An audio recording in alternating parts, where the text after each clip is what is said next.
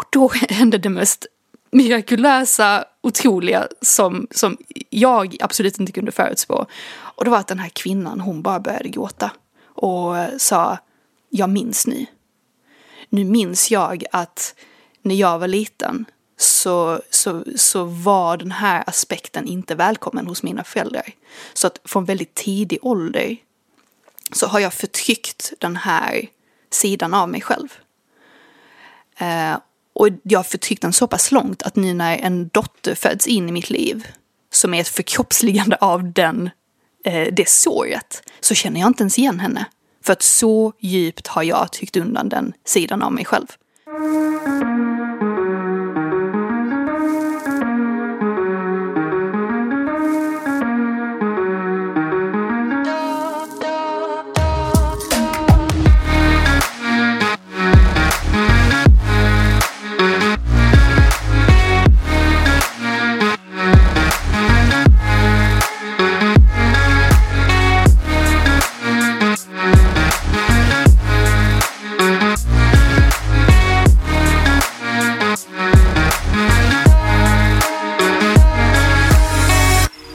Så Victoria, hur känner du kring dagens ämne?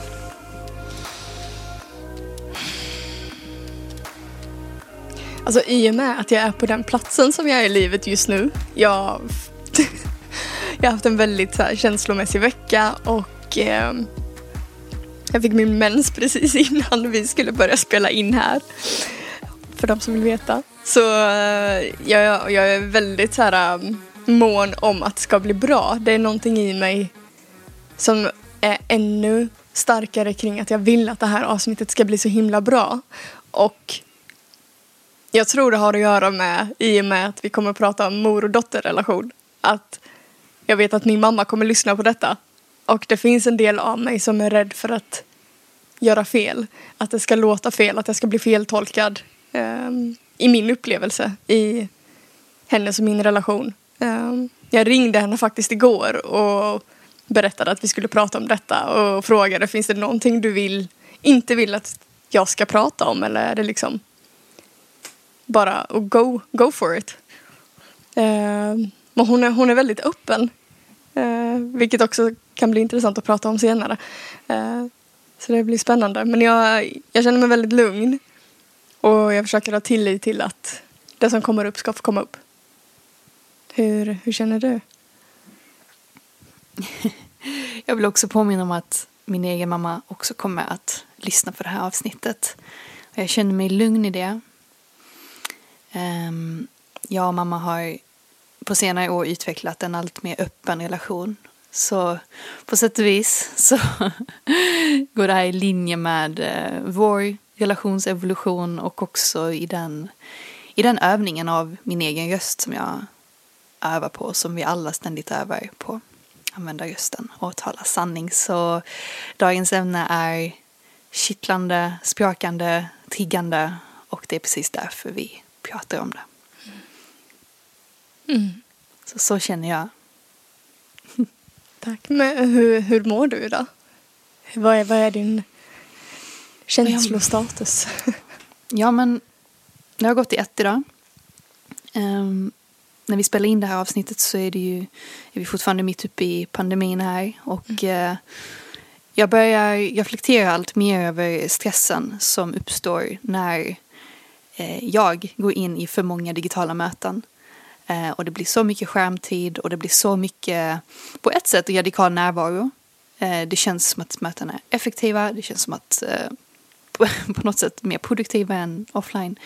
Um, men just idag så har, har jag haft en sån dag där det har varit lite för mycket back-to-back.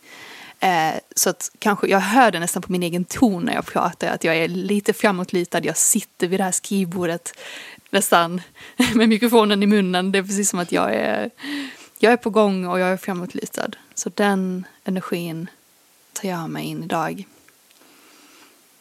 Mm. Och det känns, uh, ja, det känns välkommet ändå. Fint att vi får vara hela oss här. Vart vi än är. Det är lyxigt. Mm. Jag, jag, jag vill egentligen ge lite så här background story för efter vår kvinnocirkel i, i tisdags så brukar vi alltid sitta kvar en liten stund och, och prata och göra faktiskt en ordentlig utcheckning och stänga dörren ordentligt. Eh, för det är ju mycket känslor som uppstår och vi ska planera för kommande vecka och vi bestämmer ju oftast nästa ämne efter att vi har haft den kvinnocirkeln. Och vi, den här gången så frågade vi också vilka ämnen som deltagarna vill att vi ska ta upp. Och jag tror att, nu får du rätta mig om jag har fel, men känslan var så här att det finns både en kärlek att typ ta upp det här ämnet men också ett litet, litet motstånd. Um, så jag tror det var därför vi valde det. och eh, vi slängde ju snabbt ut, eller igår var det väl, ja det är en dag efter, slängde vi ut detta till våra kära medlemmar i vår, i vår stora syster Facebookgrupp, den stängda som vi har för de som är med i cirklarna. Där man kan gå in och diskutera ämnen som vi pratar om i podden, diskutera cirklarna, göra check-ins, bara finnas där för varandra. Så vi slängde ju ut frågan i gruppen så här. Vi ska prata mor och dotterrelation i nästa cirkel. Det är vad vi kommer prata om i podden nu på lördag. Vad är dina tankar kring det? Positiva, negativa, även för dig som mamma och har barn, har dotter. Vad är, vad är era tankar? Och vi fick ju så himla mycket respons, både, alltså både högt och lågt.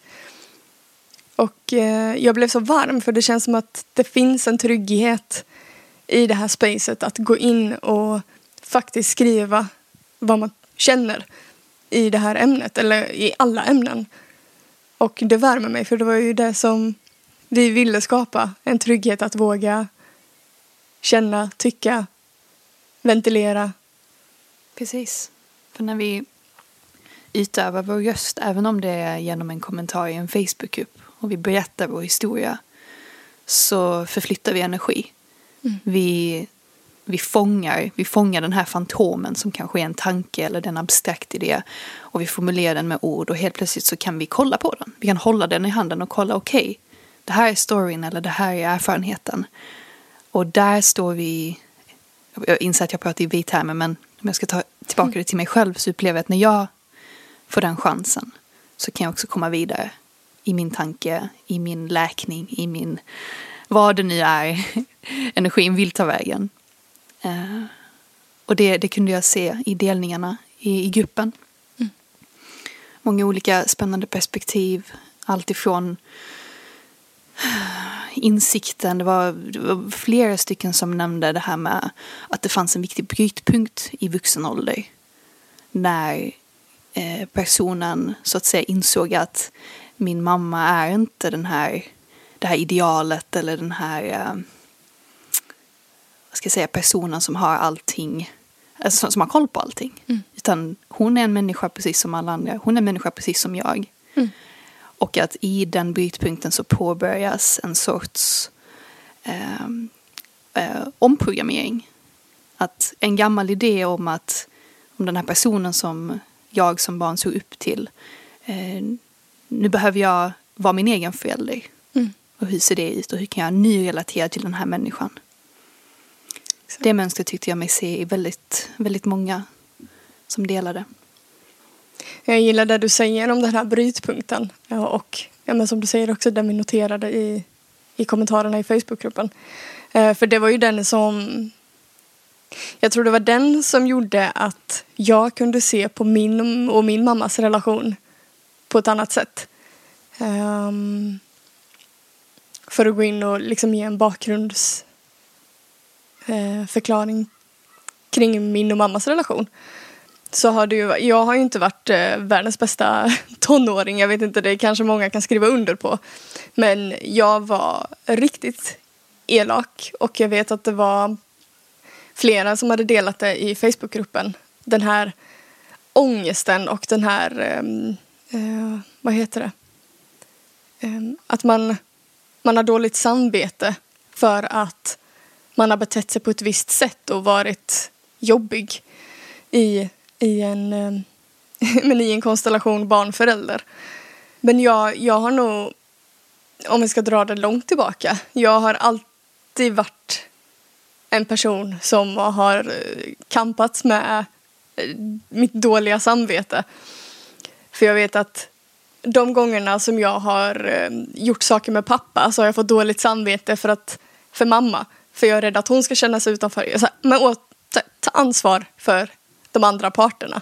Och när jag har varit med mamma så har jag fått dåligt samvete för pappa för att han kanske känner sig utanför. Eh, och jag kan också lägga till, jag är ensambarn. Så att jag har många gånger känt så här, jag är så rädd att någon ska känna sig utanför. Men jag tror att den jobbigaste tiden har ju varit under mina tonår. När jag, jag var dels i ett så destruktivt förhållande och jag bet ihop ganska mycket i mina känslor. Och den personen som allting gick ut på, det var ju min mamma. Så, så många gånger som ja, men så här, pappa har fått komma upp till mig på mitt rum och säga åt mig nu får du gå ner och be om ursäkt till din mamma, hon är jätteledsen. Och den kan göra ont i mig än idag. Men så har vi ju pratat om den tiden nu och jag har ju berättat om mitt samvete och att jag har mått väldigt dåligt över det, hur jag betedde mig. Och ja, men jag vet mamma sa det igår, ja men det är ju så här tonårstiden, det är ju skitjobbigt och jag förstår och så här. Men jag kan ju samtidigt inse vilken smärta som har funnits i henne också. Jag fattar ju det.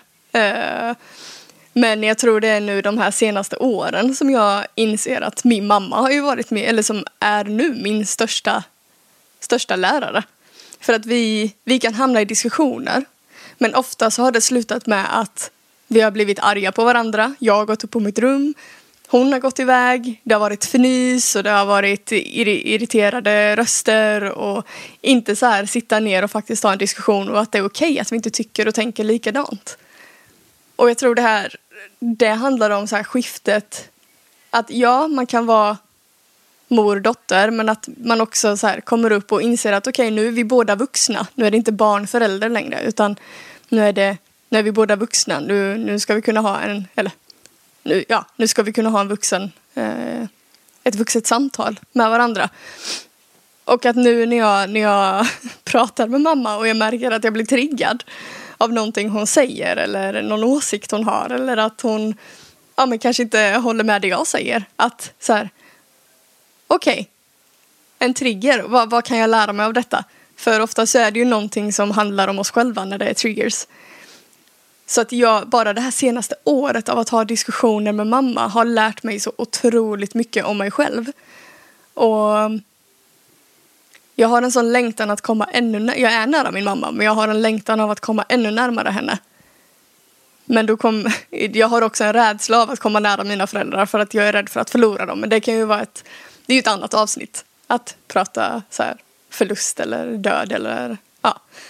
Men det var fint för det fick vi också pratat om under, eh, under för, nu i senaste julen eh, då min farfar gick bort.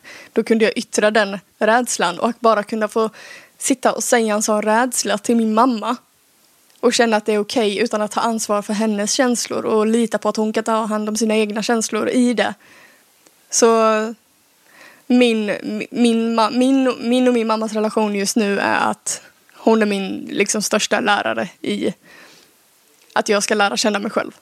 Uh, och jag tror hon lär sig mycket av mig också. Om jag får, om jag, jag får läsa mellan raderna av saker hon säger till mig. det är väldigt fint. Mm. Jag blir nyfiken. Det blir två frågor som dyker upp i mitt sinne när jag hör dig berätta.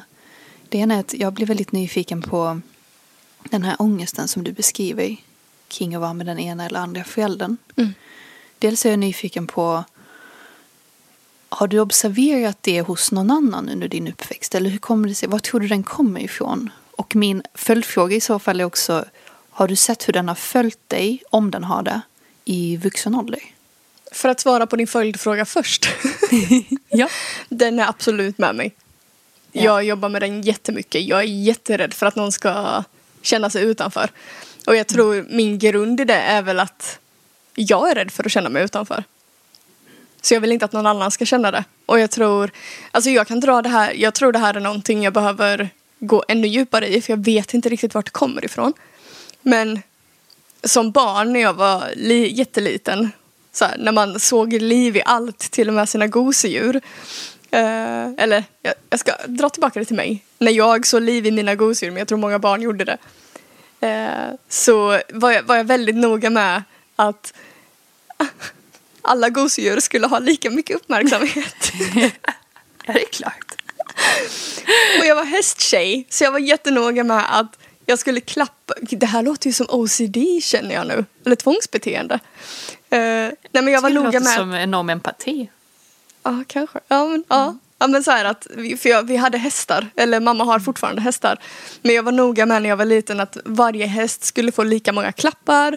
Och alla våra hundar skulle få lika mycket uppmärksamhet. Skulle en katt sova i min säng. Ja, jag hade väldigt mycket djur när jag var liten.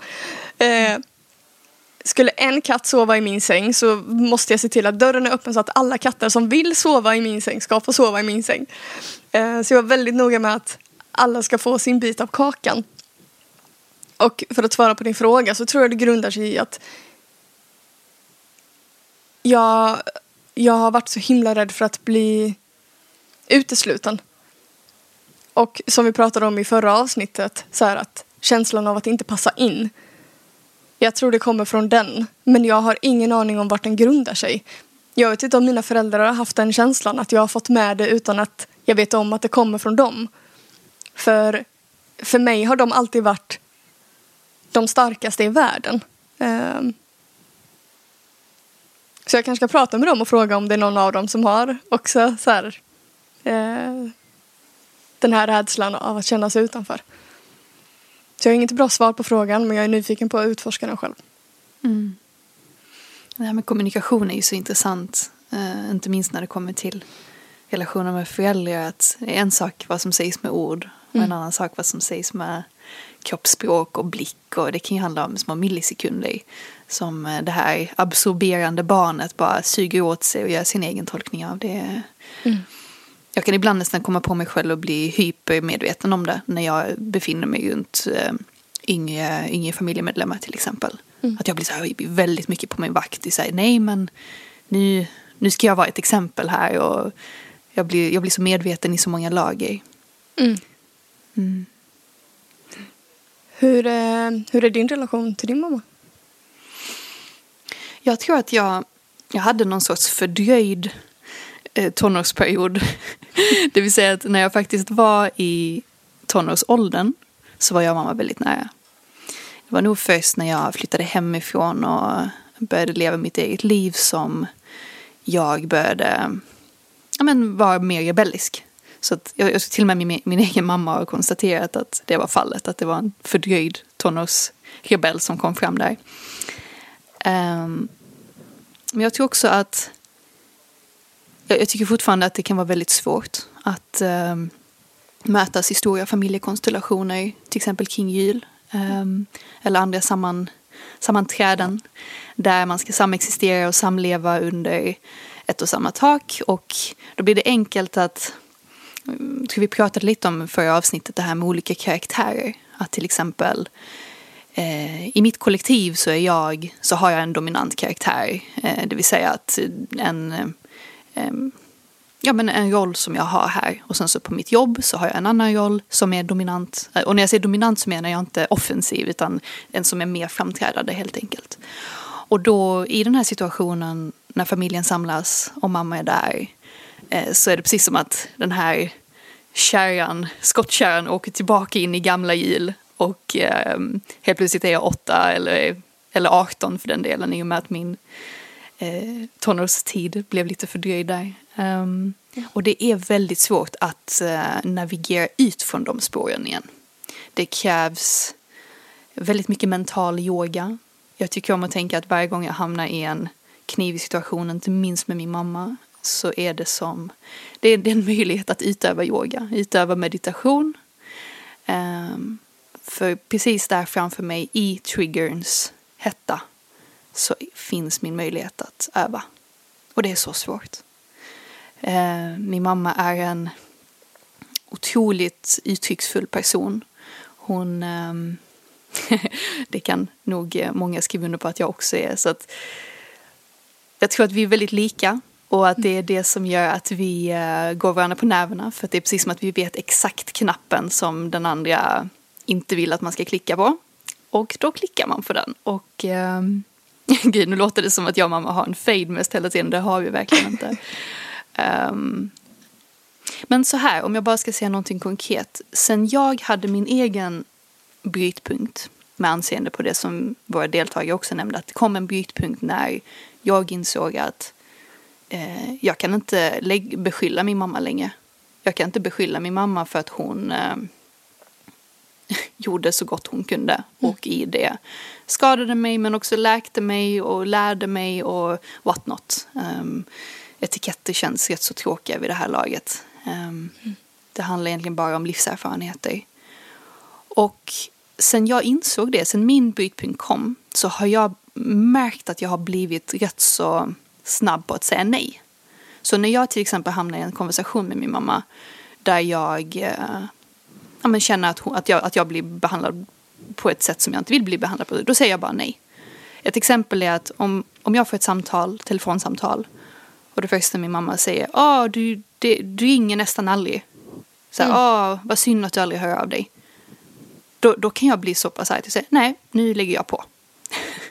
För ett sånt beteende kan inte jag tolerera. Jag ringer ju nu, jag är mm. ju här och nu. Så jag tycker att det är viktigt att visa hur jag vill bli behandlad. Och jag vill inte bli behandlad som den här under eh, dottern. Jag, jag, är inte längre där för att få, för att bli parented, vad säger mm. man, för att bli utbildad. Jag, jag, vill inte bli matad med mm. utbildning mm. utan att jag har bett om det. Mm. Så därför blir mitt svar ett väldigt neutralt nej.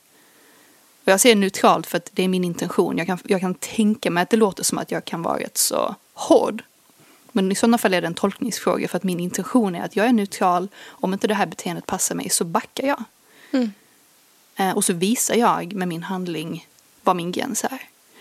Så att lite, bland sådana här små tillfällen av gränssättning mm. så har jag och mamma utvecklat en mer balanserad relation. Mm.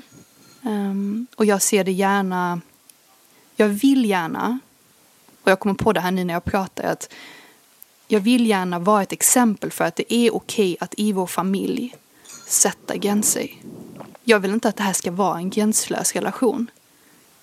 För att det innebär inte hälsa för mig.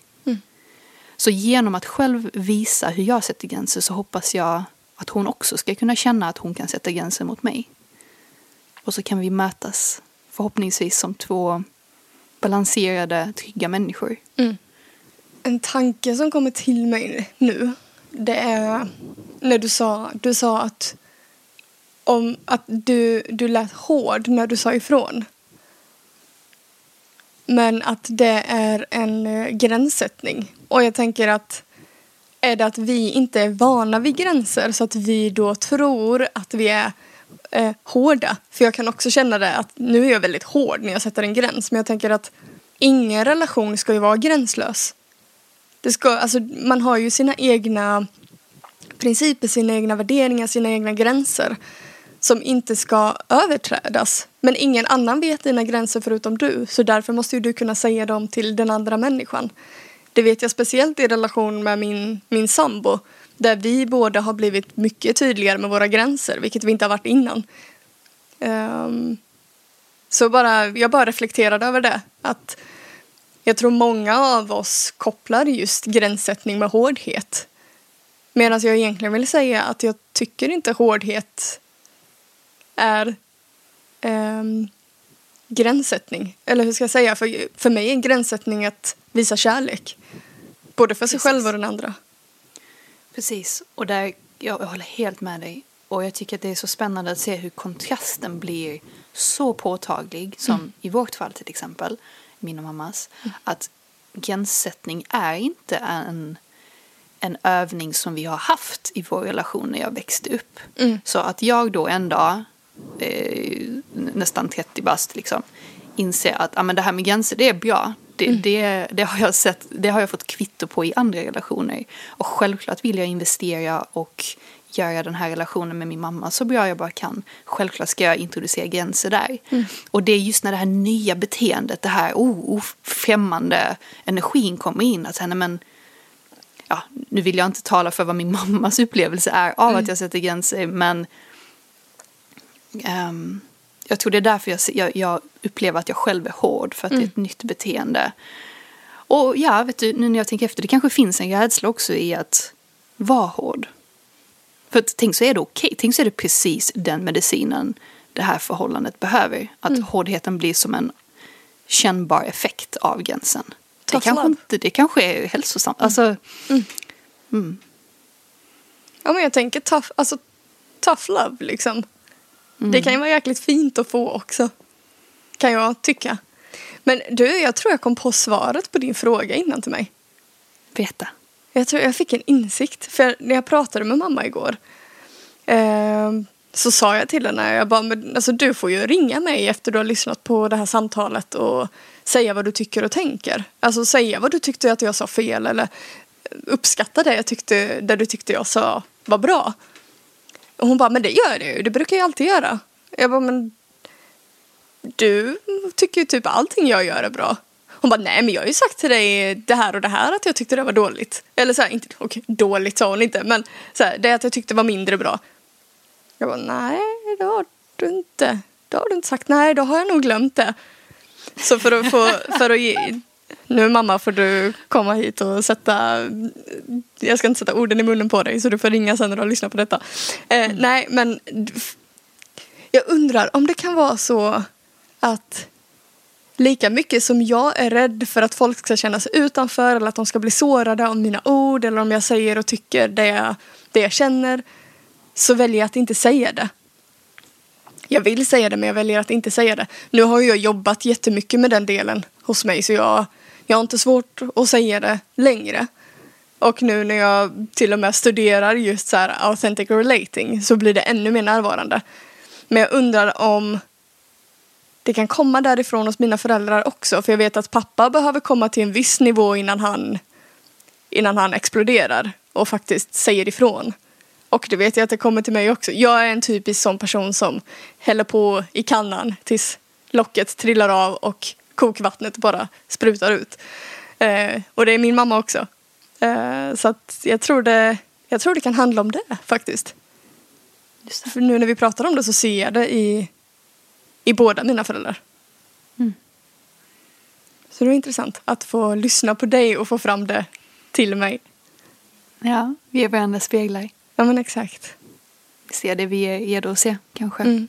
Ja men precis. Mm. Jag vill också skita in ytterligare perspektiv. Uh, nu när jag känner att elden i mig har blivit en liten glödande kol. Det är i alla fall ingen brasa längre. Mm. jag kände att jag blev väldigt, väldigt eh, involverad nu när vi pratar om det här temat. Mm. Um, men just det här kring att föräldrar gör så gott de kan, Mm. givet det de vet. Och att jag upp- upplever mer och mer att jag behöver skapa mer rum för min mammas sorg. Mm. I att jag inte längre är i boet och um, hedra den känslan som rör sig genom henne. Och Mm. eh, hedra det faktum att, eller det faktum vet jag inte, men hedra den eh, potentiella idén om att hon inte vet hur hon ska hantera det. Just det. Ehm, jag bara kom på mig själv att vilja balansera ut med ett mjukt perspektiv på, på det. På sorgen i att, att ens barn inte längre är, är i boet. Alltså ingen av oss har ju barn. Så jag, jag undrar hur känslan är. Utan att ens veta det. Men så jag undrar hur känslan är när man inser att okej, mitt barn är inte i fysisk form ett barn längre. Det kommer alltid vara hans barn. Eh, om man har den relationen. Men att det faktiskt inte är ett barn utan det är en vuxen egen människa det också som är en tänkande individ som skapar egna tankar, egna nya synapser och i hjärnan. Och alltså, det händer ju så mycket. Att föräldrarna är inte längre läraren till barnet. Utan det här barnet är, eller har andra lärare. Så det kanske till och med är så att man inte vänder sig till sin mamma längre för att be om råd eller hjälp. Och jag kan tänka mig hur smärtsamt det är för en mamma när man inser att okej, okay, nu var den här tiden över. Jag har en tes. Mm. Och som sagt med den största ödmjukhet, ödmjukheten jag bara kan ta på mig för som sagt, precis som du säger, vi har varken du eller jag barn. Men jag kan tänka mig att i en sån situation, när insikten slår att mitt barn är en egentänkande individ, om det nu inte har kommit tidigare, vilket jag kanske kan hoppas att det gör. Men att... Gud, jag, jag, jag tappade tråden, Vic. Det var som att universum inte ville att jag skulle säga det jag var på väg att säga. Mm. Det bara försvann. Draken var på väg att sprita ny eld, men, eh, men eh, en trollkarl från någonstans trollade bort det. Hittade ett ja. glas vatten istället. jo, jag kom på det nu att om, om det inte har slagit en tidigare så kanske det slår ändå att vad var själva intentionen med att föra det här barnet in i det här livet? Mm. Var intentionen att jag som förälder, som mamma, ny, får en ny chans att gå till det där prestigefyllda universitetet, alltså du vet, du vet vad jag menar. Mm. Um, att leva ut alla de drömmar som jag själv inte fick möjlighet. Och sen när barnet nu inte är omkring och kan formas efter min inre dröm, det vill säga mammans, mm. att det uppstår den sortens insikt och sorg. Just det. Uh, versus om beslutet av att skaffa det här barnet grundades i att jag är kapabel till att hålla ett liv och jag är framförallt kapabel till att acceptera att det här barnet kanske blir totalt olikt mig själv. Mm. Jag, jag, kanske inte alls kommer förstå mitt barn. Um, och hur ställer jag mig då till att fostra, um, skapa förutsättningar för det här barnet? Mm. Just det. Hur mycket av en förlängning av mig är det här och hur mycket tillåter jag det här att vara en egen enhet? Mm. Ja men precis. Så den kan man ju höra ofta. När, mm. när folk berättar om ja, men så här, rädslan av att göra sin, jag vill säga föräldrar, men så här, göra sin mamma besviken för att man inte gör eller följer den drömmen som ens mamma eh, mm. ville att man skulle göra. Eh, jag minns när vi var ute och reste i, eh, i, i Portugal så träffade vi ett par som väntade barn. Den här mamman då hade i princip bestämt hela barnets framtid. Så här, han hade inte ens fötts än. Men han skulle bli surfproffs. Hon hade redan köpt en surfbräda till honom eh, bakom pappans rygg. Eh, hon hade redan bestämt vilket college han skulle gå på och vad han ska utbilda sig till. Och det här var ju ett bråk eller en diskussion som de hade haft så länge. Och det var ju då att hon har inte fått uppleva de här drömmarna. Hon blev gravid i ung ålder. Hon, eh, jag tror hon fick en skada också så hon inte kunde surfa. Så man kunde verkligen se de här drömmarna, de här, eh, liksom, den här längtan av vad hon vill uppleva. Att hon ville föra det vidare till sitt barn. Och det kommer ju från en god plats. Så här, man vet ju själv känslan när man brinner för någonting så otroligt starkt. Så man vill, ja men vi säger att du hittar en låt som får hela din själ att fyllas i hela kroppen. Så skickar du den till mig. Jag tar emot och jag bara, nej, jag har inget speciellt med den här låten. Och du bara, va? Hur kan du, hur kan du inte känna det jag känner? Så, alltså, jag, jag kan verkligen, jag kan förstå vart det kommer ifrån. Samtidigt som jag inte tycker att det är rätt att projicera det. Men det beror ju också på vart man är i sin egen utveckling och hur man har läkt sina egna trauman och sina egna sår. Um, så jag tror det också gäller att, vilket också är svårt, som barn, eller som, ja men som barn, att så här, vänta nu stopp. Det här är inte mitt. Det här är inte vad jag vill göra. Det är inte mitt att bära. Exakt. Mm. Men jag fattar också hur svårt det är att säga det till sina föräldrar. Kanske är det svårt för att det inte har varit en övning man har gjort genom uppväxten. Exakt. Så när de här första trevande orden äntligen får lov att komma ut och se dagens ljus och Och speciellt när de tas emot med reaktion. Herre min gud vad... Då, ja, det, Mm. Då är man uppe i starten av ett viktigt och stort projekt. En, Mm. en, ett förlösande projekt för sig själv och sin, Absolut. sin förälder. Mm, verkligen. Och jag vet inte heller, jag vet inte heller om intentionerna som jag hör dig beskriva i den här kvinnan. Jag vet inte om de kan, jag vet inte om jag skulle kalla dem goda. Jag vet inte om jag skulle kalla dem onda heller. Men Mm. för mig låter det som att det handlar om stagnerad energi. Mm. Alltså en dröm, en mental idé om att nu stängs det här. Och, och jag letar desperat efter vägar att ändå komma dit. Mm. Ehm, och jag kan också i den tankebanan så kan jag tänka tillbaka till den här fantastiska boken som heter Spirit Babies. Men du känner till den Victoria? Ja, du, jag, jag tror du har pratat om den innan. Ja, Mm. just, jag tror faktiskt vi pratade om den första gången vi snackade. Är det den du inte har läst? Det är den jag... man ska inte prata om saker man inte har läst eller vet. Men så här. Antade jag okej. dig nu. Bra, nej men det är bra, det är att säga. Transparens, full transparens. Jag har otroligt många vänner som, ehm, vill, som vill ha barn. Eh, i, I yoga-communityn framförallt som jag rör mig i. Och eh, där är Spirit Babies en stor viktig bok. Så att genom att ha hört deras konversation om bokens innehåll så har jag förstått att det handlar om att, att bokens essens är att vi väljer visste våra föräldrar. Mm. Att det här, det här lilla starseedet, det här lilla stjärnstoftet som kommer ner i livmodern och sen föds som en, som en kropp med medvetande. Eh, den, lilla, den lilla starseeden visste precis vad den höll på med när den valde sina föräldrar. Eh, den valde precis rätt dos av trauma, valde precis rätt dos av eh, lärdomar som potentiellt skulle kunna komma dens väg under livstiden. Och jag förstår att det här är ett tema som kan väcka väldigt mycket känslor, även i mig nu när jag pratar om det.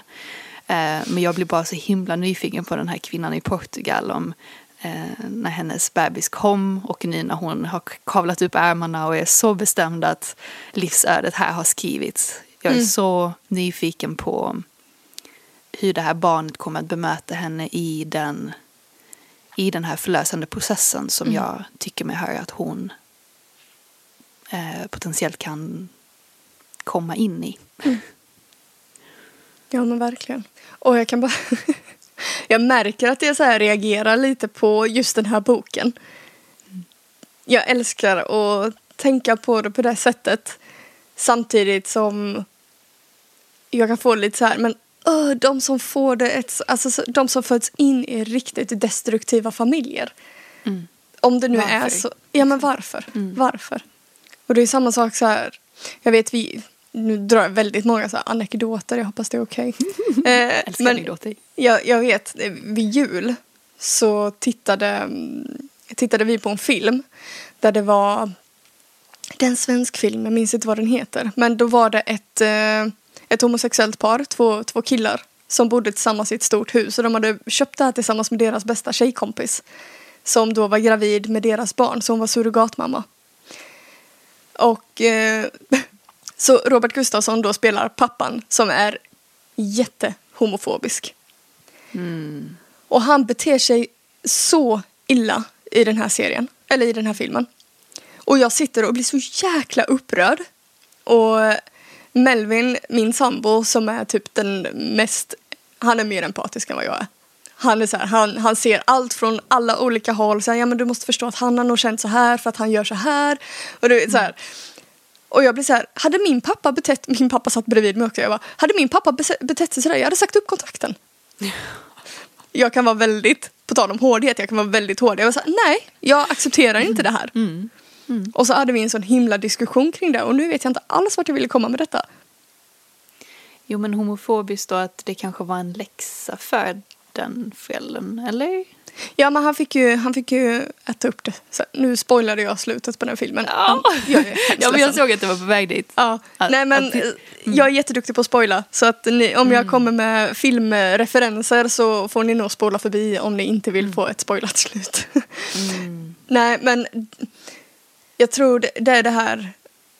Nej, jag, förlåt, jag minns inte vart jag ville komma med det. Mm. Det bara kändes som att det var en...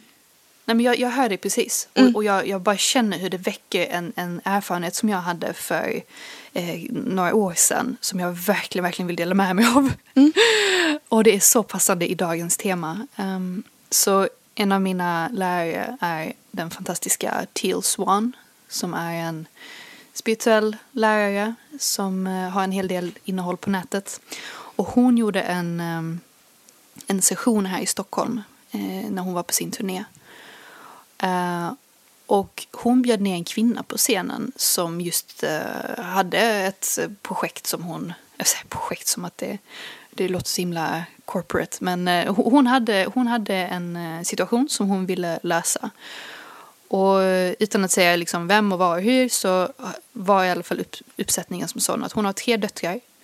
Den eh, äldsta har hon jättefin relation med, mellersta också jättefin relation med och så då den yngsta eh, menade hon själv att så här, jag, jag, jag förstår inte den här människan. Mm. Jag förstår inte, hon, hon är den här vita, vad säger man, vita kråkan, vita, vita fågeln. I, i, Svarta nej, fåret? svarta, svarta fåret i familjen. Det är som att hon, hon, hon, det är som att hon eh, har andra föräldrar än oss, givet de värderingar vi har och så vidare. Och så vidare.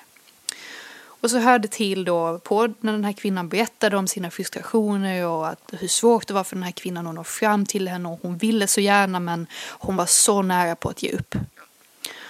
Och då gick till in i en övning och sa så här till henne, okej, nu kommer jag att, eh, eller först och främst sa hon så här, du inser väl att det hela inte handlar om din dotter? Så bara, va? Vad menar du? Det är, det, är henne, det är henne jag vill prata om. Det är därför jag kommit ut på scen. Jag ska läsa den här relationen med min dotter. Och så säger jag till henne, nej nej men dot, din dotter är en spegel som har kommit in eh, i ditt liv för att spegla någonting viktigt till dig. För att i själva verket så handlar det om en aspekt i dig själv som du har förtryckt. Så det de gjorde där på scen det var att Till gick in och sa till den här kvinnan att nu kommer jag att, när du pratar med mig nästa gång så kommer du att prata med en aspekt av dig själv. Och jag vet att det börjar bli abstrakt nu men Till tog på sig det här mantrat av aspekten i den här kvinnan. Så hon lekte inte att hon var hennes dotter utan det var aspekten. Och det var så otroligt kraftfullt att se hur den här kvinnan samtalade egentligen med sig själv. Och Till svarade så här, så som den här lilla aspekten skulle svarat. Och rösten påminde väldigt mycket om hur dottern pratade. Så nej men varför ska jag göra det där? Pff, nej jag orkar inte. Alltså det här beteendet. Just det. Och det som hände, vad min poäng med allt det här är det att sen gick till ur den här övningen. Och då hände det mest mirakulösa, otroliga som, som jag absolut inte kunde förutspå. Och det var att den här kvinnan, hon bara började gråta. Och sa, jag minns nu. Nu minns jag att när jag var liten så, så, så var den här aspekten inte välkommen hos mina föräldrar. Så att från väldigt tidig ålder så har jag förtryckt den här sidan av mig själv. Eh, och jag har förtryckt den så pass långt att nu när en dotter föds in i mitt liv som är ett förkroppsligande av den, eh, det såret så känner jag inte ens igen henne. För att så djupt har jag tryckt undan den sidan av mig själv. Och där började, menade hon, hennes resa med att plocka upp och kunna relatera till sin dotter på ett sätt som hon inte hade kunnat tidigare. Ehm, jag vet inte vad den här historien lär oss mer än att ehm, Jo, förlåt, en sista grej bara till, till sammanfattning av det som hände på scen. Var också så här att okej, vi har alla de här vandrande speglarna i världen. Vi har pojkvänner och flickvänner som kommer in och det är rätt så tacksamt när en tiggande pojkvän kommer in och ehm, eh, visar oss vad vi, vad vi absolut inte vill ha. För honom kan vi ju göra slut med och förhoppningsvis klippa all kontakt med. Eh, men när det blir så pass nära inpå att det är en familjemedlem, det är ens dotter för guds skull. Då är det precis som att den spegeln kan vi inte, inte kolla i. Den måste, alltså vår själs, vår, vår evolutionsresa hänger på att vi lär oss den här läxan i den här personen. Eh, och det tyckte jag var, jag har verkligen ta- tagit med mig den sen dess.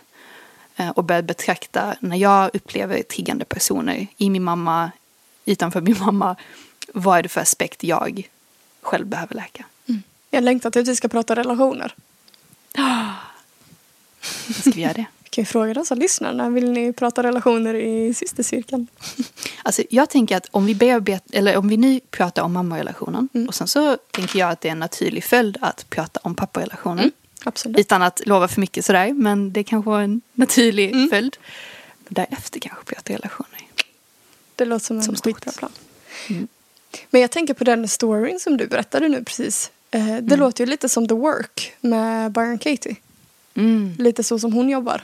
Och jag vet att jag vet inte om folk har sett den dokumentären The Work som är helt fantastisk. Och bara för att ge en liten kontext kring det är ju att eh, tror det är ja, men processledare som går in på ett fängelse, alltså så här högsäkerhetsfängelse och jobbar med trauman hos de här fångarna.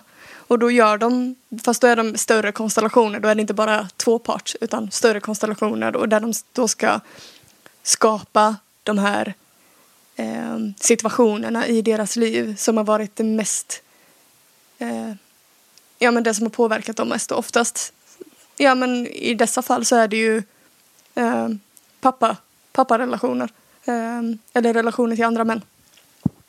Så jag kan verkligen rekommendera att se den men jag, kan, jag ser en liknelse i det, den processen som du berättade om. Eh, och jag tycker den är så himla effektfull. Att se sin egen spegel i en relation som är kanske, kanske ehm, jag vill inte säga toxisk, men som kan trigga en hel del i en. Ehm, jag tycker det är fint att ha, ha med den. Och jag hade velat, okej så här. Vi, du och jag häng, hänger, inom citationstecken, i ett community som jobbar väldigt mycket med sig själva. Mm. För jag kom på det innan att så här, speciellt när jag läste i, eh, i kommentarerna i Facebookgruppen så här shit, men så här dagens mammor är ju väldigt medvetna. Jag tror att det kommer ju gå åt rätt håll. Men det är ju också vår filterbubbla. Mina vänner, jag ser ju de kvinnorna i min omgivning, jag ser att varenda en kommer bli fantastiska mammor. Visst, vi har våra sår som vi kommer behöva jobba med och det kommer säkert vara massa projektioner på våra, våra kommande eventuella barn. Men att medvetenheten i det communityt gör att jag tror det kommer vara, jag vill inte säga lättare, men att man kanske är mer medveten om de triggerserna som kommer upp. Att man kan faktiskt sitta ner och ha en kommunikation med sitt barn än att skrika och slänga upp barnet på rummet eller ja, men så här, göra de här, eh, vad heter det, maktfördelningarna, ställa sig över istället för att komma ner till nivån med barnet. Just det. Så jag känner liksom inte någon oro på det sättet för den generation som kommer utifrån vårt community. Nu låter jag arrogant, arrogant, arrogant nu, jag vet inte. Men vad händer med de som inte gör sitt eget, sitt eget arbete? Kommer det här, kommer det spela om sig igen tills faktiskt något, någon avkomma börjar praktisera sin egen utveckling och sin egen medvetenhet? Jag är lite nyfiken på att gå in där och se vad gör man liksom. Det tror jag definitivt. Och jag tror att, som du säger, jag tror det är lättare när man har andra människor omkring sig som redan går i de här tankebanorna. Sen tror jag också att många, många som inte tillhör ett community som så att säga bekräftar den typen av verklighetsbild. Ehm, jag, jag kan bara tänka tillbaka på tidigare chefer jag har haft som har haft totalt ehm, disruptive, alltså så här, eh, sak, händelser som har skett i livet som totalt har fått dem att behöva tänka om och börja söka och gräva och göra sitt jobb. Så att jag vill också hedra den, eh, så att säga, ensamvargen där ute som eh, av en eller annan anledning har börjat gräva själv men som kanske ännu inte har hittat ett community som passar eller som för min egen del, alltså herregud. Jag tycker att jag själv under en väldigt lång tid var en ensamvarg. Jag vill inte ha ett community, och till och med när jag var på mina yogautbildningar, jag var inte den mest sociala. Jag, när de andra gick på middag så gick jag själv och käkade middag och skrev i min skrivbok. Så jag tror att allt har nog sin tid och sin plats och när popcornet är redo att eh, plocka upp spegeln, eller popcornet, nu blir det många metaforer på samma gång, men när popcornet är redo att poppa eller när spegeln är redo att tas upp och börja kolla Du sig. blandade två där hörde jag. Ja, det blev en liten, liten mixmatch. Ehm, jag, jag, jag tror bara, precis som i all evolution som någonsin har uppstått enligt min eh, begränsade kunskap i alla fall, men när läraren, när, när studenterna är redo så kommer läraren att dyka upp. Och läraren dyker upp i så många olika former. Vet du Vic, jag, jag, jag känner att jag är i ett väldigt spirituellt tillstånd idag. Jag, jag bara pratar en massa, men du hör vilken så här nivå jag lägger mig på idag, herregud. Det är jättefint. Tack. Alltid tillåtet. Men jag undrar om det är därför jag är nyfiken på motsatsen, kanske. Mm. Att det var därför jag ville så här, men när kommer, eller jag höll på att säga, när, när, när, när kan vi läka alla sår? Men jag tror den, den kommer nog aldrig komma. Jag tror vi alltid kommer ha sår och trauman att behöva arbeta med. Ehm, Det kommer alltid finnas där, det kommer alltid hända saker som påverkar dem. Jag gillar, det, jag gillar ditt spirituella tillstånd. Tack. Du får jättegärna vara med. Jag tycker själv också om det. Mm. Jag hör också en liten röst i bakhuvudet här som säger att det finns så många saker som vi inte har nämnt idag som är så relevanta för det här temat. Mm. Kanske är det för att vi inte har egna barn och inte kanske missar en del perspektiv. Mm. Och jag, jag känner en sån lust att lära mig mer om andras perspektiv. Mm. För i äkta eh, inlärningsanda eller viljan att förstå så, så har du lyssnat idag och tycker att men det här perspektivet vill jag skjuta in i den här dialogen så skriv gärna eh, i vår stängda Facebookgrupp. Mm. Precis. Det kan väl också vara fint att säga det att vi är ju inte experter på någonting. Mm. Vi, vi har inte svar på någonting utan vi sitter och, ja men som det så fint heter, provpratar kring ämnet för att ja, men vidga våra perspektiv tillsammans. Så att vi är mottagliga för att få ännu mer perspektiv kring alla de ämnen vi kommer att prata om. Mm. Um, jag hade ju velat gå in på sorg till exempel i, i frånvarande föräldrar eller frånvarande mamma. Att inte känna att man har en mamma. Nu har jag haft den otroliga lyxen att ha två väldigt närvarande föräldrar. Men den längtan som jag har läst har funnits, ja, men återigen i Facebookgruppen, den längtan jag har sett hos många. Den har jag känt för typ ett syskon. Eh, Det försvann sen. Eh, och jag är väldigt glad att jag också är eh, ensambarn. Men eh, det har gjort mig till den jag är idag. Jag hade säkert varit annorlunda om jag hade haft ett syskon. Jag vet inte. På tal om att ha fler lärare i livet. Så jag kan höra den sorgen. Men jag kan tänka mig att det är en annan sorg med en faktiskt fysisk människa. Som du vet är där men inte finns där. If it makes sense. eh, mitt inspel i det är ju att jag växte upp med egentligen en, eh, vad kallar man det, vår primärvårdtagare. Alltså mamma var ju min enda förälder som, som var konsekvent eller vad jag ska säga, som, som var med hela resan. Ehm, och även när hon var där som det här berget som hon är så var ju hon, alltså hon, var, hon är, var och är en otroligt driven kvinna som reser världen runt, eh, jobbar och liksom klättrar karriär och så vidare. Så att för min egen, ja, jag, ibland så undrar jag på tal om tema sorg, jag undrar om den här fördröjda tonårsfasen som jag hade när jag var 20-25, liksom 20-23 kanske. Den för mig var nog rebellisk för att jag behövde vara arg innan jag kunde känna sorg. Mm. Och jag tror att glöden från det, det, det är ungefär där jag är nu. Att jag, ehm, jag, är, jag vill inte längre besk- beskylla, jag vill inte, ja, du vet. Så jag, jag, kan, jag kan känna igen mig i att sitta i sorg Mm. eh, gentemot, eh, gentemot min mamma. Men också som med all sorg så ser jag väldigt tydligt hur steget efter sorg är ju kärlek och lycka och acceptans. Eh, och jag vilar väldigt mycket i det nu för tiden. Mm. Och varför, jag vill bara förtydliga lite att den här ilskan, den för mig grundades i, och det här, det här, har, inte, det här har inte alltid varit självklart, men min mamma sa någonting till mig när jag var väldigt liten och hon sa så här, Katja, eh, nu när din biologiska pappa inte är med i bilden så är det som så att jag är både din mamma och din pappa. Mm. Jag är båda. Och hon, hon sa det ja, men, med all välmening och från en plats av styrka och var så här, du kan lita på det här. Du, du, jag fyller båda funktionerna och jag gör det gärna. Mm. Och det tyckte jag ju, ja, men, när jag tänker tillbaka till hur jag hörde henne då, jag, jag var rätt så neutral till när jag hörde henne säga det.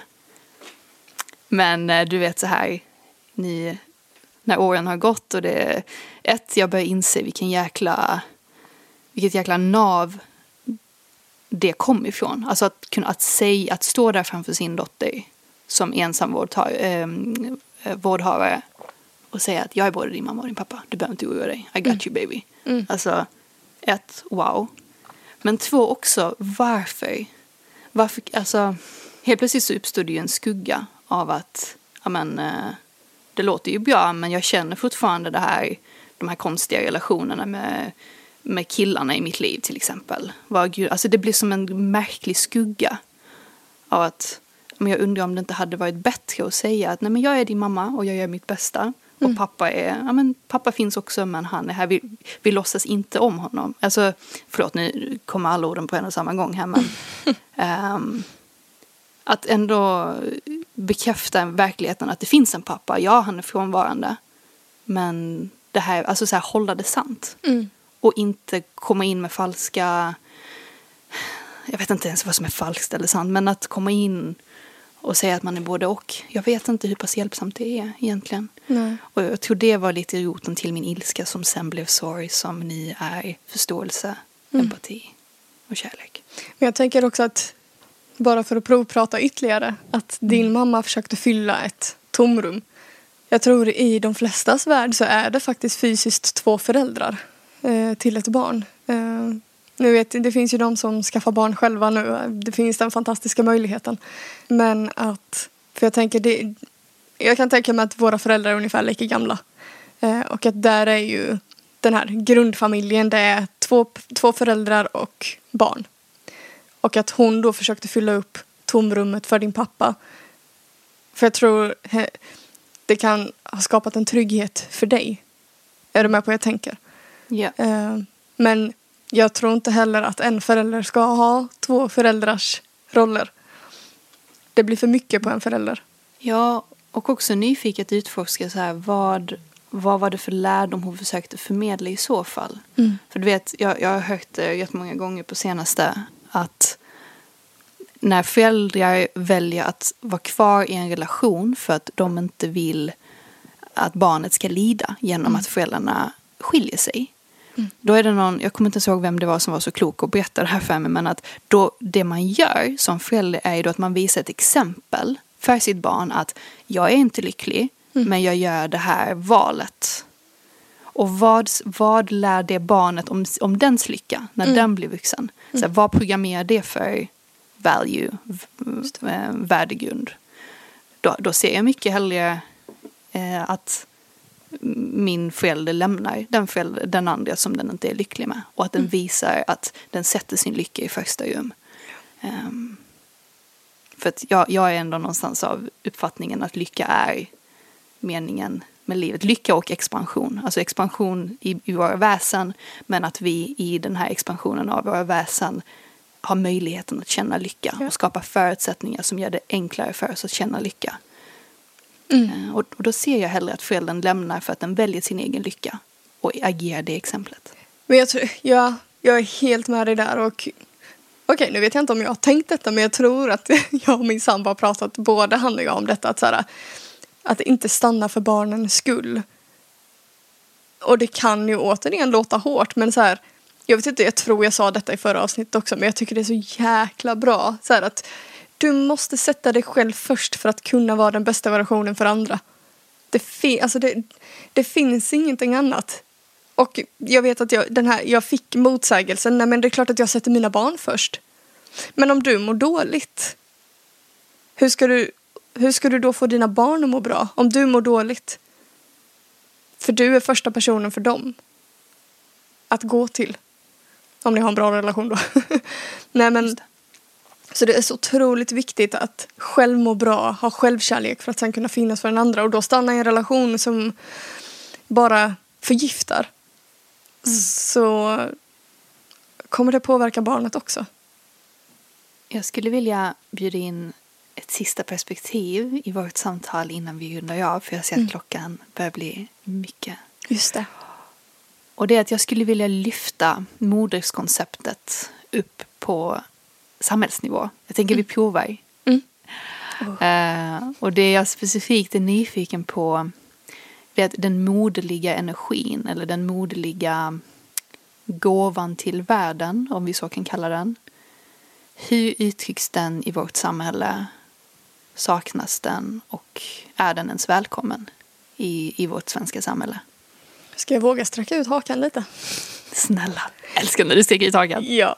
Jag kan nog tycka att den är, den är lite för stor. Vi kvinnor har lätt att gå in i mammaroll i många olika situationer. Inte bara för våra barn utan för vår partner. Att gå in och ta den rollen att... För vi har den här modersinstinkten i oss att här, ta hand om. Vilket är otroligt fint. Jag älskar att ta hand om. Men det ska inte gå ut över mig. Det ska komma från en plats av att vilja, inte av en plats av att kanske inte våga ta tag i sig själv. Om du är med på vad jag menar. Så jag kan nog tänka mig att den och nu pratar jag utifrån mig själv, jag pratar utifrån egna erfarenheter. Jag går, jag, varenda förhållande jag haft har jag gått in och varit morsa till min sambo, eller min partner. Det här är min första sambo jag har. Eh, och jag har gjort det även i det här förhållandet. Tills vi faktiskt tog tag i det och insåg att det var ett problem. Så på samhällelig nivå så kan jag nog tycka att vi kvinnor behöver sätta oss själva först lite mer än vad vi gör. Men sen kanske ta, ja, ja så här, sätta sig själva, vi sätter oss själva först för då kan vi vara en mor till våra barn på ett högre, ett högre medvetande sätt. Är du med på vad jag menar? Jag känner så här lite Mm. att det är så här. Nej, jag tycker det är väldigt tydligt. Mm. Jag tycker det är tydligt och ehm,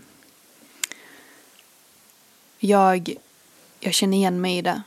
Jag kan tänka tillbaka till, jag går en spännande ledarskapskurs nu som ehm, med Alexander Holmberg som ehm, pratar om att det i samhället ibland finns en liten tripod så, av ohälsa. Han menar att, eller den kursen menar att det är navet till, till dysfunktionell kommunikation både på samhällsnivå och på individnivå. Och det är att om vi inte blir medvetna om de här, den här tripoden, de här tre rollerna, så kan vi inte så är vi kvar i en skugga och då finns det inte utrymme för varken moderskap eller faderskap och allt däremellan. Eh, och vad jag menar specifikt är att han pratar om rollet eh, offret, om eh, förövaren Mm. Och om hjälparen. Just Och det, att de här Mm. tre rollerna, de så att säga lever av varandra. Mm. Att, eh, och och det jag hör när, när du berättar just det här när vi kliver in i relationer och vi, blir, vi tar på oss mamma-koftan till vår partner eller liknande. Att det blir att vi går in i eh, hjälparen. Mm. För att kanske är det för att vi tidigare i livet har fått belöningar eller vi har liksom fått komplimanger för att vi är så omhändertagande och då, då har det beteendet bankats in och då tycker vi att ja, men, vi kliver in och gör någonting bra här. När i själva verket, det som hjälparen gör är att den ser att det finns ett offer. Ja. För att hade det inte funnits ett offer så hade inte hjälparen behövt kliva in. Eh, och sen så finns det ett gemensamt hot som är då den här förövaren. Och det, det finns olika nyanser och smaker av den här tripoden. Mm. Och då tyckte jag det var så fint när eh, i, i den här utbildningen jag går så sa utbildarna att och det är först när vi kliver bort från dramat. När vi väljer att inte engagera oss i det där. När vi kan se det för vad det är. Mm. Som vi kan börja prata tydligt och kärleksfullt. Exakt. För då är vi inte inne i såren och blaskar och har oss. Och jag har fortfarande en, en hel del att eh, här, integrera när det kommer till den modellen. För att jag, det, det var lite chockartat för mig att inse att jag eh, är, jag, jag kliver gärna in och hjälper för att, jag, för att jag känner mig stark och för att eh, jag ska få någon sorts belöning för det. Jag känner, det, det finns mening. Du får ju belöning. Precis, jag får ju belöning. Mm. Och jag undrar om det vi pratar om här egentligen är skuggsidan av det moderliga. Mm. Och följdfrågan på det blir vad är då ljus-sidan av det. det moderliga? Mm. Om det finns en skugga så finns det också ett ljus. Precis. Och här kan jag tycka det är viktigt att båda, om vi tar en parrelation, att det är bådas ansvar att fånga upp när man hamnar i hjälparen eller när man hamnar i offret. Ehm, jag vet när jag och eh, Melvin satt på parpsykologi eh, så vet jag att jag sa så här, men jag är trött på att vara din, din morsa. Och då sa han, men jag vill inte ha en till morsa, jag har redan en. Och det var så fint och liksom, Wow. det var väldigt tydligt. Eh, och kanske hårt i en viss bemärkelse men det var också vad både han och jag behövde höra. Och utifrån det har vi fått jobba på det och vi har liksom snappat upp varandra nu under tiden. Så här, men vänta nu, jag behöver inte hjälp. Du behöver inte hjälpa mig med detta. Jag är vuxen, jag kan ta hand om det här själv. Just det. Och det är väldigt fint att kunna hamna i den och kunna stötta varandra men det kräver också ett ganska stort arbete för vi har blivit inmatade. Jag kan utgå ifrån eh, den här serien Anne with an E som jag pratade om också i förra avsnittet. Alltså det här har ju varit med oss hur länge som helst. Att mm, vi kvinnor ska liksom finnas där och hjälpa till. Det är klart att det är inmatat i vårt nervsystem. Vi har haft det i så sjukt många år. Men nu lever vi i en tid där vi kan bryta oss loss. Vi kan bryta oss loss och vi kan också... Jag, är ju, jag har ju en kontroversiell idé om att Ja, mer kontroversiellt. vår, nu är det min tur att sticka ut hakan. Ehm, jag har en vetskap i mig om att eh, det kvinnliga könet, eh, modern kallar den, alltså det som föder ut eh, nya väsen in i världen var eh, ursprungskönet som sen kom att muteras och avanceras in i det manliga könet och så vidare och så upp mot stjärnorna. Ehm, och att det uppstod en, som, ett, som, ett, som en nödvändig åtgärd för hälsan av diversifieringen som pågick. Men så yes, fires have been shot eh, och jag står vid det. Ehm, men varför jag säger det är för att i födandet, i moderskapet, i eh, det näringsgivandet, äh, näringsgivande, det vill säga i ammandet, både metaforiskt och fysiskt, eh, i la- tillagandet av mat och så vidare, i samlingen av familjen i, eh, kring lägerelden eller vad det nu kan handla om. Eh, Fast det kanske är mer faderns traditionella, jag vet inte. Men här, samlandet och näringsgivandet när, när vi håller den på den nivån så tror jag ett att det är så pass djupt programmerat i vår ursprungskod, både Mm. som män och kvinnor, att vilja ta hand om och att intentionen, alltså nästan som en impuls, som en, som en eh, eh, evolutionär impuls att vilja ta hand om och, och, och ha oss. Att ehm, det är ibland någonting som är svårt att neka. Mm. Men det är också, det, det är också, det gör oss också nyktra att prata om när vi gör det för mycket. För Precis. precis som vilken medicin som helst. Eh, käkar vi tillräckligt mycket av en medicin så blir det till slut gift. Mm. Eh, och vad som är rätt dos för vilken person eller vilket sammanhang kommer att bero helt och hållet på. Precis. Jag tror att det är bra att hedra och se det på samhällsnivå. För jag tror inte vi som människor klarar oss utan det. Nej. Men vi bör också fånga oss själva när medicinen blir gift. Mm. Återigen, yin och yang, balansgången, balansskålarna. Jag tänker att vi har öppnat en hel del dörrar för vidare diskussion både i kvinnocirkeln på tisdag 18.00 eh, men även i Facebookgruppen eh, som jag kommer länka i beskrivningen till det här avsnittet. Vi, jag vet att både du och jag vill täcka så mycket mer egentligen men då hade vi behövt att sitta kanske en eller två timmar till och du hade behövt ställa in ditt möte som du ska in i alldeles strax. Eh, Men eh, vi har ju fler samtal framför oss och vi har ett fantastiskt samtal på tisdag tillsammans med förhoppningsvis lika många som de andra gångerna att fortsätta diskutera det här ämnet tillsammans. Just det. Tack för dig Vix. Tack för dig och tack för det här fantastiska samtalet. Mwah.